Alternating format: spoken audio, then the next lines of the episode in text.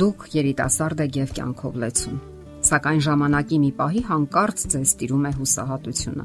Դուք դառնում եք վատատես եւ հիասթափվում կյանքից։ Ավելի ու ավելի հաճախ եք արտաբերում որոշ արտահայտություններ։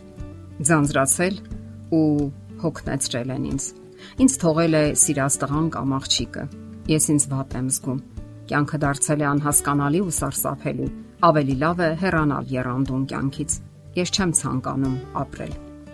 Վերջին ժամանակներում դեռահասներն ավելի ու ավելի հաճախ են արտաբերում այս նախադասությունները։ Դա լսվում է հեռուստատեսային էկրաններից, լայն տարածում գտած երկերից։ Համացանցը պարզապես հեղեղված է նման մտքերով։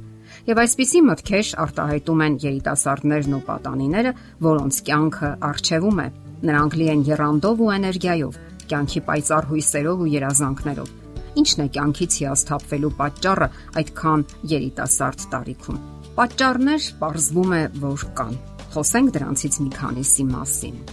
Դժբախտ սեր։ Սա առաջին պատճառներից մեկն է։ Երբ դեռահասները կամ երիտասարդները սիրահարվում են, նրանց թվում է, թե ողջ աշխարհը իրենց սիրելիի շուրջն է պատտվում։ Նրա մեջ է իրենց երջանկության ու բավականության կենսական արժեքների իմաստն ու աղբյուրը։ Եվ երբ սիրելի մարդը լքում է, կարծես աշխարհը փուլ է գալիս նրանց գլխին, եւ թվում է կյանքը կորցնում է իմաստը։ Այդ պահերին է, որ նույնիսկ ինքնասպանության մասին մտքեր են հայտնվում գլխում։ Եվ մենք բոլորս գիտենք, քիչ չեն նման դեպքերը։ Հիասթափության մյուս պատճառը հիմնախնդիրներն են ծնողների հետ։ Սա տեղի է ունենում այն դեպքում, երբ ծնողները խիստ հսկողություն են սահմանում, հսկում երիտասարդի յուրաքանչյուր քայլը եւ թույլ չեն տալիս, որ նա ինքնուրույն որոշումներ կայացնի, ինքնուրույն քայլեր անի եւ երիտասարդը պարզապես հնարավորություն ունի որևէ կերպ դրսևորվելու, կյանքում հաստատվելու։ Իսկ առանց փորձառությունների կյանքը վաղ թե ուշ հիմնախնդիրների առաջ է կանգնեցնում երիտասարդներին երբեմն հակառակ երևույթն է տեղի ունենում։ Թվում է, բոլորը մոռացել են իրենց ծնողները չեն հասկանում նրանց ցավն ու հիմնախնդիրները։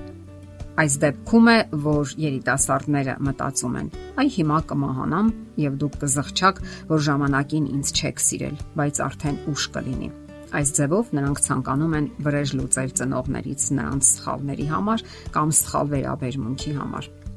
Այսօր շատ երկեր են հուսահատ նոտաներ հնչեցնում կամ արտահայտում, կոչանում բռնության ու ագրեսիայի։ Այս ամենը կարող է ազդել դեռևս չձևավորված ուղեղի ու մտածողության վրա։ Դեպրեսիվ, կյանքի հանդեպ հուսահատ տրամադրություն ստեղծող երկերը բավականին բացասական ազդեցություն են թողնում։ Անկարևոր չէ նաև հասակակիցների ազդեցությունը։ Մրցակցությունը հասակակիցների միջև նույնպես կարող է հորետեսական ու վատատեսական մտքերի աղբյուր ծառայել։ Հնարավոր է ընկնել թերարժեքության գիրկը, կորցնել հետաքրքրությունը կյանքի հանդեպ մեծամասնությանը հետևելը կարող է մեծապես ազդել հոգեկան աշխարհի վրա եւ թույլ չտալ գտնելու սեփական ուղին։ Իսկ ինչ կասեք խղճահարության մասին սեփական անձի հանդեպ։ Սա կարելի է թերևս համարել կարևոր պատճառներից մեկը։ Ժամանակ առ ժամանակ ինչ որ պահի բոլորն էլ կարող են խղճալ իրենց։ Մարդը մտածում է, որ ինքը բոլորից տանջվածն է եւ արժանի է ամենամեծ խղճահարության Դա նման է հոգևոր հպարտության։ Գիտեք, ես ամենից շատ եմ տարապել, ամենից շատ եմ տանջվել։ Դուք բոլորդ ինձանից երջանիկ եք։ Ձեզ համար այնքան ցավալի ու ծանր չէ, որքան ինձ համար։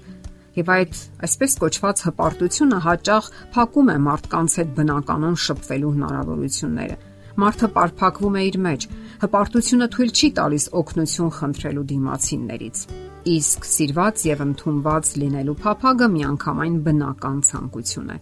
Բոլորը, այդ թվում եւ հասուն անznավորությունները, ցանկանում են, որ իրենց լսեն, հասկանան ու ընդունեն։ Այդ པարս մարդկային ցանկությունը հաճախ հուսահատ տենչանքի է հասնում։ Այն փնտրում են շրջապատում, ծանոթների ու անծանոթների մոտ։ Խնդրում են, իսկ երբեմն էլ փորձում են ուժով ստանալ այն, ինչն իհարկե դատապարտված է պահանջում են ծնողներից, ուսուցիչներից, հարազատներից, ընկերներից եւ չստանալով կամ պարփակվում են իրենց մեջ կամ որոշում են վրեժ լուծել այս կամ այն կերպ։ Սակայն սա ոչ մի օգուտ չի կարող տալ։ Բռնությամբ կամ պարտադրանքով ոչ էլ մուրալով հնարավոր չէ սեր ստանալ։ Ամենից առաջ այն պատճառով, որ ոչ մի մարդ պարզապես չի կարող տալ նման սեր։ Մեր օրերում այնքան էլ շատ չեն սիրառատ անznավորությունները Միայն շատ հարազատ մարդիկ կարող են սեր տալ, ովքեր հաճախ հենց իրենք էլ նման սիրո կարիք ունեն։ Մենք խոսեցինք պատճառներից մի քանիսի մասին, իսկ դրանք ամենատարբեր են, սակայն հարկավոր է մտածել, թե ինչպես դուրս գալ նմանատիպ իրավիճակներից։ Այստեղ կարող է օգնել հարազատների հետ շփումը, ընկերական շրջապատը, հարազատ մարդու ներկայությունը։ Հոգեբանական անբնական վիճակները հաղթահարելու համար հարկավոր է քննել սեփական անձը։ Արդյոք ունեք սուր եւ տրամաբանական միտք կամ հումորի զգացում,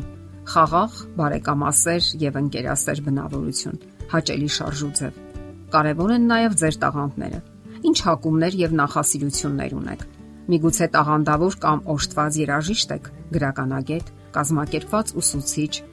ունեք խոհարարական ընտունակություններ,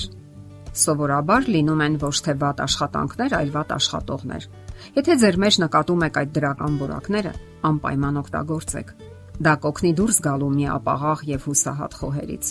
Կարևոր են նաեւ հոգեվոր որակները։ Բարձր սկզբունքները, բարոյականությունը, առաջնորդ լինելու որակները, հոգեվոր սկզբունքներին հավատարիմ լինելը եւ այլն։ Իսկ ընդհանրապես եղեք ուժեղ եւ երանդուն անznավորություն Օգտագործեք կյանքի անձեռած հնարավորությունները։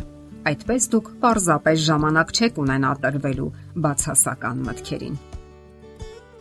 Եթերում ճանապար երկուսով հաղորդաշարներ։ Ձեզ հետ է Գեղեցիկ Մարտիրոսյանը։ Հարցերի եւ առաջարկությունների համար զանգահարել 033 87 87 87 հեռախոսահամարով։